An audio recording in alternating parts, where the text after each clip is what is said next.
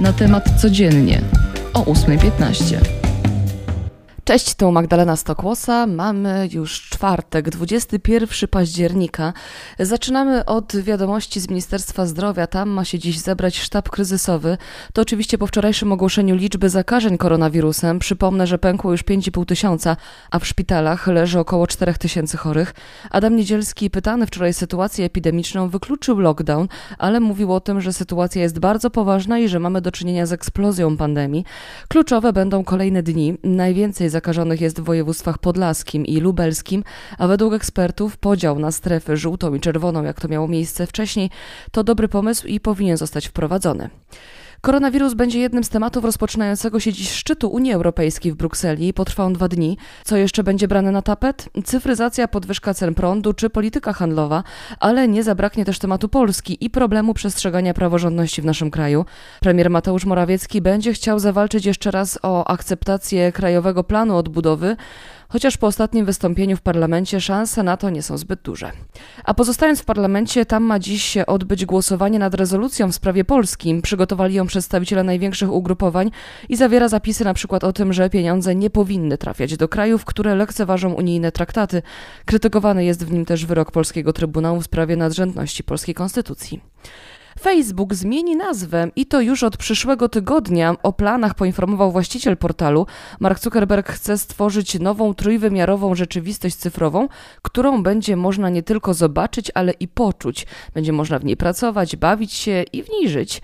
Metaverse ma umożliwić użytkownikowi to, co dają media społecznościowe, czyli ma służyć do komunikowania się i wchodzenia w interakcje w rzeczywistości 3D, ale ma też pozwolić wykraczać poza nie. Dlatego też szykuje się no, wszystkim nam znany rebranding. E, rewelacje usłyszymy najprawdopodobniej podczas dorocznej konferencji firmy zaplanowanej na 28 października. A jeśli zmiany związane z Facebookiem nie przypadną Wam do gustu, to Donald Trump zapowiedział właśnie stworzenie własnego portalu społecznościowego. E, nazywa się True Social i jak stwierdził, sieć ma być rywalem dla liberalnych mediów i gigantów technologicznych, a uruchomienie planowane jest na listopad dla zaproszonych gości, dla nas zwykłych śmiertelników w pierwszym kwartale przyszłego roku. Zmieniamy temat. Dopiero po drugiej w nocy ogłoszono wyniki 18. Międzynarodowego Konkursu Pianistycznego imienia Fryderyka Chopina.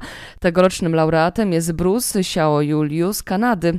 Przed tym 24-letnim pianistą otwierają się teraz drzwi do wszystkich sal koncertowych na świecie. Otrzymał on oprócz złotego medalu też 40 tysięcy euro nagrody. Jury miało jednak trudny orzech do zgryzienia, bo poziom, co wszyscy podkreślają, w tym roku był naprawdę wysoki, dlatego też zdecydowali o przyznaniu aż ośmiu nagród. Z Polaków najwyżej uplasował się Jakub Kuszlik, który musi zadowolić się miejscem czwartym egzekwo z reprezentującą Japonię Aimi Kobayashi. A dziś rozpoczynają się pierwsze z trzech koncertów laureatów. To w Operze Narodowej w Warszawie o 19. Oczywiście wszystko do zobaczenia za darmo też w sieci dzięki Instytutowi Chopina. I myślę, że warto, bo kolejna okazja nadarzy się nam dopiero za 4 lata. Brytyjska mennica królewska ma nowy sposób na pozyskiwanie złota. Chce je brać z wyrzucanej elektroniki. Niewielkie ilości cennych metali, takich jak złoto czy srebro, są w telefonach czy laptopach. Z danych ONZ-u wynika, że w 2019 roku na śmietnik trafiły 54 tony elektrośmieci i tylko 20% z nich poddano recyklingowi, a w tonie komórek ma się znajdować nawet dwa razy więcej złota niż w tonie kruszcu. Teraz niestety nie mam dobrych wiadomości, jeśli chodzi o pogodę, bo dziś przydadzą nam się czapki i parasolki i to w całym kraju, bo chociaż na termometrach wysokie jak na ten czas temperatury, to czeka nas prawdziwa wichura, będzie wiało i to mocno, spodziewajmy się też przelotnych opadów deszczu. Wiatr może osiągać nawet 100 km na godzinę.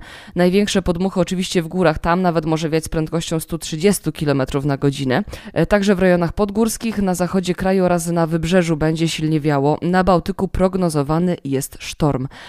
Teraz zapowiedź sportowa, bo Legia dziś zagra z Napoli w ramach Ligi Europy. Spotkanie w ramach trzeciej kolejki rozegrane zostanie w Neapolu na stadionie Diego Maradona o 21. Przypomnę, że wojskowi wygrali ostatnio ze Spartakiem Moskwa oraz angielskim Leicester City i są na pierwszym miejscu w grupie. I tą wiadomością kończymy dzisiejszy podcast. Magdalena Stokłosa, dzięki i do usłyszenia oczywiście jutro. Cześć!